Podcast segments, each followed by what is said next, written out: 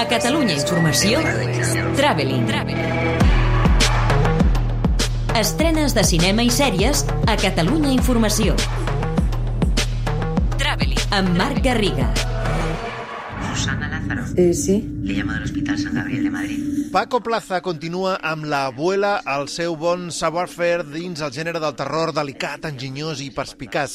Aquí seguint la història d'una noia que ha de deixar la seva carrera de model, una nouvinguda almudena amor molt convincent per cuidar momentàniament, o això pensa ella, la seva àvia, una poderosa Vera Valdés. Amb Plaza en van parlar al Festival de Sitges. No es una película chillona, es una película que te propone una angustia que nace muy de dentro. La abuela es una película de terror sutil. Yo siempre pongo el ejemplo de La Semilla del Diablo, que es la película más aterradora que recuerdo, en la que no hay ni un susto. ¿no? Y sin embargo es una película que escalofriante. Nosotros lo que intentamos era hablar de, de la vejez y de la satanización de, de, de la senectud en la sociedad actual. We all have a story to tell.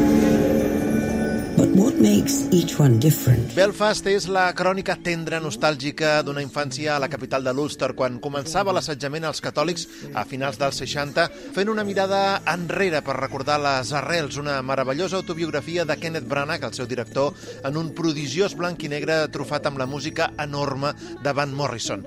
Llàstima només que tot sembla tan còmode i perfecte, tan net i ben posat, que en algun punt deixa de ser natural per convertir-se en una pel·lícula massa conscient de si mateixa. I això la fa distant per moments. Però vaja, no deixa de ser un espectacle visual de primera categoria amb un repartiment encapçalat per unes fantàstiques Katrina Balfe i Judi Dench. Ouais, allô Quoi Quand son réveil, papa pouvait plus se lever et il avait tout le côté droit paralysé. Dues cintes franceses s'estrenen també aquests dies. Cinema social que toca temes d'actualitat per obrir debats molt interessants, potser fins i tot més que les pròpies pel·lícules. La primera és Todo ha ido bien, on André Dussolier i Sophie Marceau, magnífics, protagonitzen un drama sobre l'eutanàsia dirigit per François Ozon, un ben intencionat retrat de família amb elegants tocs de comèdia negra. I l'altra és En un muelle de Normandia, on Juliette Binoche encarna una reconeguda autora que decideix escriure un llibre sobre la precarietat laboral vivint-la en primera persona. Descobreix, entre altres coses, el significat de la sororitat, però amb el risc que en qualsevol moment se sàpiga la veritat. Totes dues, però, des d'un punt de vista burgès i amb molts moments de déjà vu que són una mica un llast. Un pacte? Una promesa màgica i sagrada. Completen la cartellera tres films que s'estrenen en versió catalana, la danesa El Pacte, un drama biogràfic sobre l'amistat entre Karen Blixen, l'autora de Memòries d'Àfrica, i un jove poeta a qui li doble l'edat. Mira per mi, un thriller canadenc que intenta fugir dels tòpics sobre invasions domèstiques, sobre una dona cega que s'ha d'enfrontar a uns lladres que li entren a casa. I La mama és pura pluja, una cinta d'animació francesa per als més petits. A més, arriben la nova bogeria de Nicolas Cage, ara a les ordres d'un altre boig, el japonès Sion Sono, Prisioneros de Gosland, menys sorprenent, això sí, del que s'esperava, i No Somos Nada, una magnífica ocasió per escoltar Evaristo Páramos, el líder de la Polla Records, des del seu plàcid retir rural, un contrast absolut amb el punk més rabiós d'Euskadi que ha perpetrat durant més de 20 anys.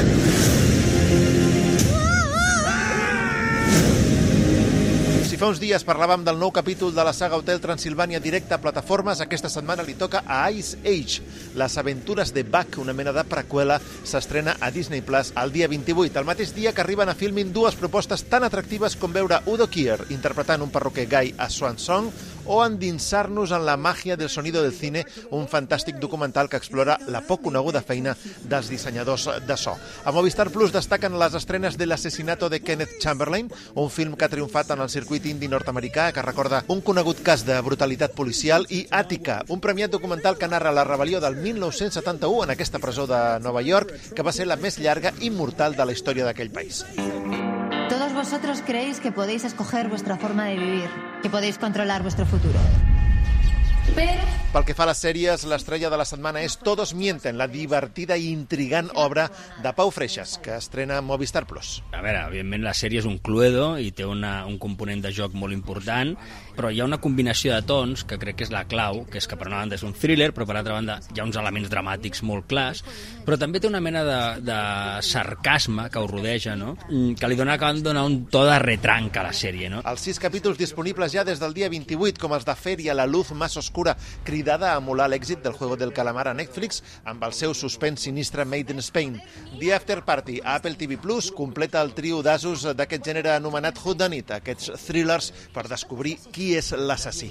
Però és que, més, a Netflix arriba també La mujer de la casa d'enfrente de la chica de la ventana, amb Kristen Bell, que intenta donar-li una volta a la mateixa premissa, i a Movistar Plus ofereixen The Responder, amb Martin Freeman des del dia 31, amb un to més britànic i segell de la BBC. Traveling. Estrenes de cinema i sèries a Catalunya Informació, amb Marc Garriga.